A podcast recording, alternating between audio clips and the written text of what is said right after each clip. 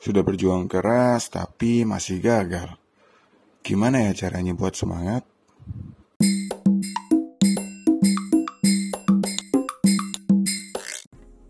Oke, okay, welcome back to my podcast. This is Radio. Uh, terima kasih buat kalian yang udah dengerin podcast saya yang kemarin. Yang pertama, judulnya apa tuh yang pertama kemarin ya? Judulnya adalah tips untuk mencari pekerjaan. Jadi buat kalian yang belum pernah dengerin podcast saya yang sebelumnya. Sebelum kalian dengerin podcast ini silakan dengarkan dulu dengerin dulu podcast saya yang kemarin. Nah, untuk kali ini kita akan membahas tentang cara mengembangkan semangat hidup. Jadi mungkin selama ini kan kalian sudah berjuang keras untuk merasakan semangat dalam hidup bersama orang lain itu seperti apa atau merasakan semangat hidup kalian sendiri itu gimana sih rasanya? Atau jangan-jangan kalian tuh sulit memiliki gairah hidup pribadi kalian. Nah, mengembangkan semangat hidup itu sebenarnya adalah bagian dari satu proses yang aktif supaya kalian bisa menjadi manusia yang nantinya lebih bergairah hidup serta penuh perasaan. Dan hal ini nantinya membutuhkan cara hidup yang lebih proaktif. Kalian juga bisa menjadi pribadi yang lebih bersemangat dengan cara melakukan hal-hal yang menyenangkan dan juga mengasihkan. Terus juga bisa fokus pada kreativitas serta menggunakan imajinasi kalian. Dan juga kalian harus berinteraksi dengan penuh semangat pula agar uh, hidup kalian juga nantinya lebih berwarna. Interaksi ini perlu dilakukan juga dengan orang-orang lain di sekitar kalian. Nah, apa aja cara untuk mengembangkan semangat hidup? So, check this one out.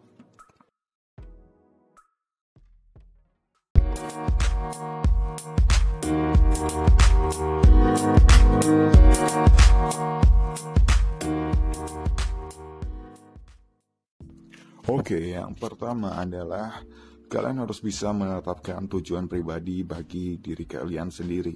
Salah satu cara untuk menangkap gairah hidup itu adalah kalian harus bisa menetapkan tujuan pribadi ini. Jadi, eh, kenapa kalian harus menetapkan tujuan pribadi? Karena hal ini nantinya dapat memotivasi kalian untuk mengejar bidang-bidang minat tertentu yang kemudian dapat dijadikan pilihan karir atau pendidikan kalian. Jadi untuk mempertimbangkan hal-hal apa yang paling bermakna bagi diri kalian itu sangat penting sekali. Selain itu, uh, hal ini juga membuat kalian bisa menentukan prioritas dan mempersempit lingkup gagasan kalian untuk membentuk tujuan pribadi yang jelas nantinya. Setelah kalian menetapkan tujuan pribadi itu, kalian harus bisa membuat jadwal untuk menentukan waktu pencapaian tujuan tadi. Mungkin kalian akan memerlukan durasi dan pengaturan waktu yang berbeda untuk masing-masing tujuan tadi, tapi itu sebenarnya nggak masalah, tergantung pada seberapa sederhana atau rumitnya tujuan kalian untuk kalian capai. Kemudian menetapkan tujuan pribadi tadi bisa juga membuat kalian mampu nantinya melakukan identifikasi terhadap hal-hal yang selama ini kalian uh, lakukan yang bermanfaat untuk pencapaian tujuan tadi, serta keterampilan atau keahlian lain yang perlu kalian kembangkan demi mencapai tujuan tadi. Uh, kemudian hal ini itu nantinya akan sangat mendorong ya semangat kalian dan merupakan cara yang sangat aktif untuk mengembangkan semangat hidup. Jadi jangan lupa untuk selalu tetapkan tujuan pribadi bagi diri kalian. Oke, kita lanjut yang kedua. Jadi kalian harus belajar dari para pemimpin atau mentor dalam hidup kalian.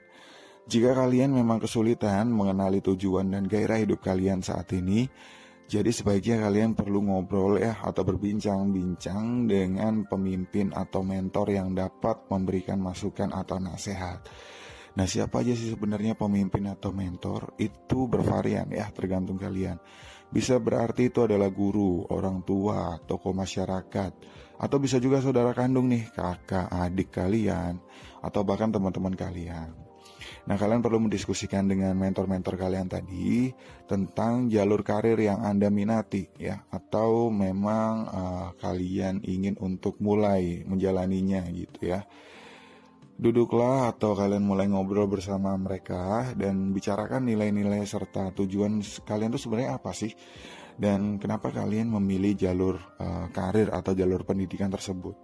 Terus kalian juga perlu ceritakan kenapa kalian sekarang merasa down, merasa tidak semangat kepada mereka merasa tidak semangat dalam hidup dan ceritakan kepada mereka gitu ya maksudnya ya. Dan sering kali mentor atau orang-orang tadi yang memiliki hubungan dekat dengan kalian akan dapat memberikan perspektif baru atau point of view-nya mereka nih, sudut pandangnya mereka.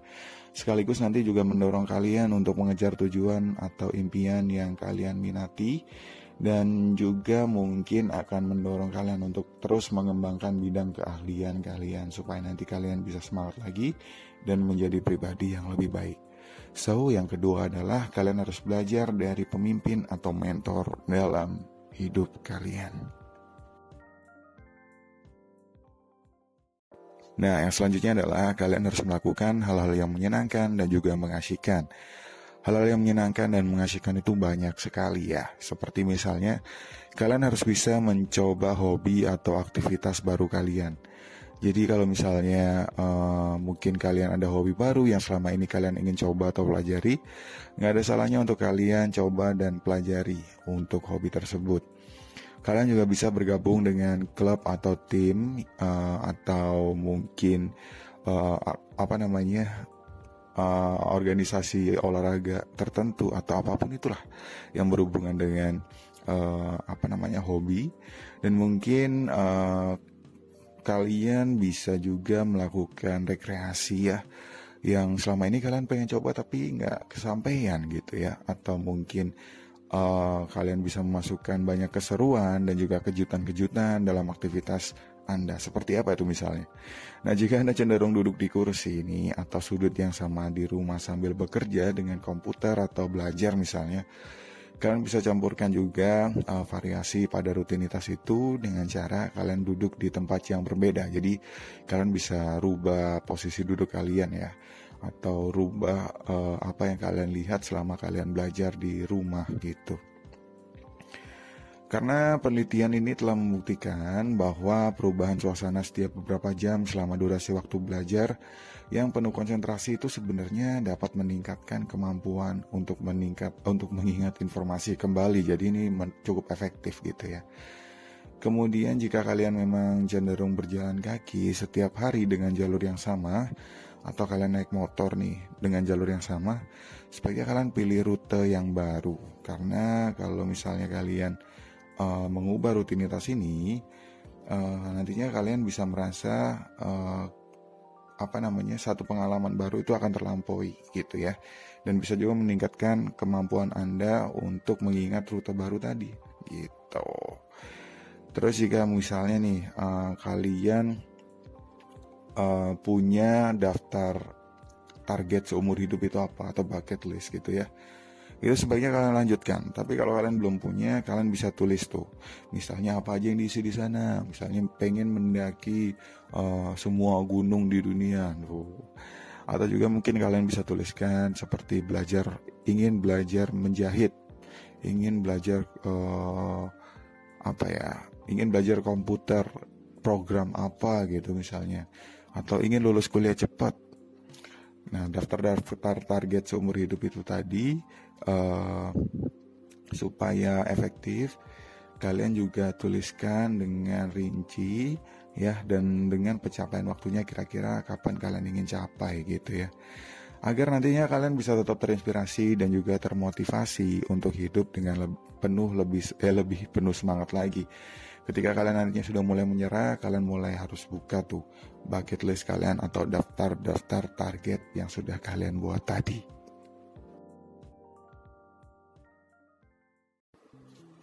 Nah, yang juga nggak kalah pentingnya adalah kalian harus ber berinteraksi secara penuh semangat dengan orang lain. Jadi kalian misalnya nih ya, kalian uh, udah nggak semangat hidup dan kalian semakin menyendiri, itu nanti akan membuat uh, kalian makin tidak semangat hidup dan malah berpikiran macam-macam nantinya ya. Nah, maka dari itu kalian harus berinteraksi secara penuh semangat dengan orang lain kalian bisa membalas kebaikan orang lain ya dengan penuh kemurahan hati dan juga uh, dengan tulus gitu ya. Jadi kalau misalnya ada orang baik ke kalian, kalian bisa meresponnya dengan cara positif. Terus kalau misalnya kalian ada teman yang mau cerita atau curhat ke kalian atau enggak dia mau sharing nih masalah sekolah, masalah ujian tadi gitu ya. Kalian juga harus menjadi pendengar yang aktif ya supaya dia juga nanti mau mendengarkan keluh kesah kalian. Jadi uh, dengan kalian menjadi pendengar yang aktif, kalian akan mulai uh, memikirkan solusi-solusi yang nantinya juga mungkin bisa untuk memecahkan masalah kalian. Jadi nggak selamanya orang bermasalah itu sebenarnya nggak bisa memikirkan solusi gitu ya. Jadi uh, kalian harus bisa reaktif ketika ada orang memberikan uh, pertanyaan, kalian harus atau mau menceritakan sesuatu, kalian juga harus memberikan respon yang juga positif atau yang baik gitu. Kemudian uh, kalian harus membuat diri kalian juga bisa menikmati berbagai pengalaman baru gitu ya. Kalau misalnya kalian sedang jalan-jalan, jangan malah kalian merusak mood. Atau ketika teman-teman kalian menceritakan suatu pengalaman yang baru atau cerita-cerita yang belum pernah kalian dengarkan, kalian respon juga dengan baik. Jangan nantinya kalian malah merusak mood mereka, malah kalian akhirnya dipandang, ah kayaknya nih anak uh, bikin sebel aja gitu ya. Dan akhirnya mereka malas nih main sama kalian. Nah, oleh sebab itu kalian mulai berinteraksi lah secara sehat, secara positif dan secara aktif dengan mereka agar nantinya kalian juga bisa membangun mood kalian menjadi lebih baik lagi. So, uh, jangan lupa untuk selalu berinteraksi secara penuh semangat dengan orang lain.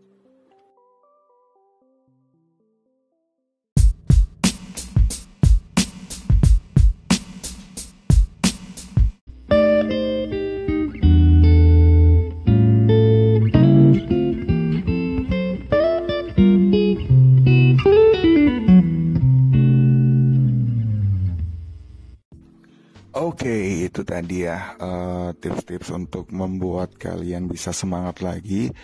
Uh, sebetulnya semangat hidup itu uh, asalnya adalah dari diri kita sendiri.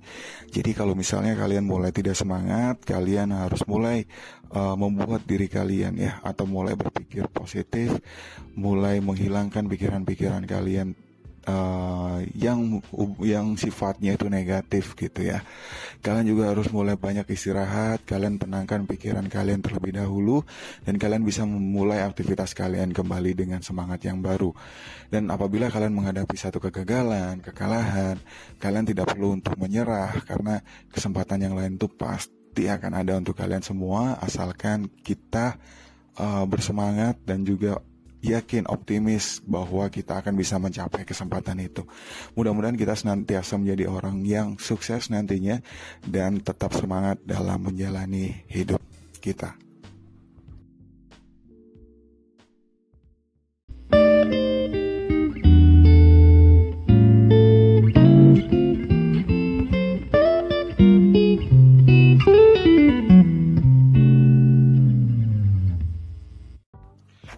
Sekian podcast saya yang kali ini. Uh, kita ketemu lagi nanti ya di podcast yang selanjutnya.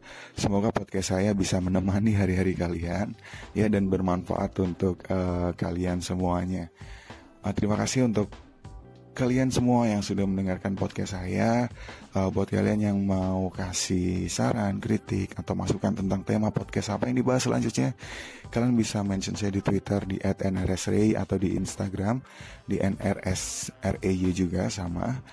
Uh, kalian bisa sharing juga kira-kira nantinya kita mau sharing soal apa ya di podcast yang selanjutnya. Nah, kira-kira nanti kita mau bahas apa? Jadi tunggu aja podcast saya yang selanjutnya. Terima kasih atas waktunya. Semoga hari-hari kalian menyenangkan dan selamat beraktivitas.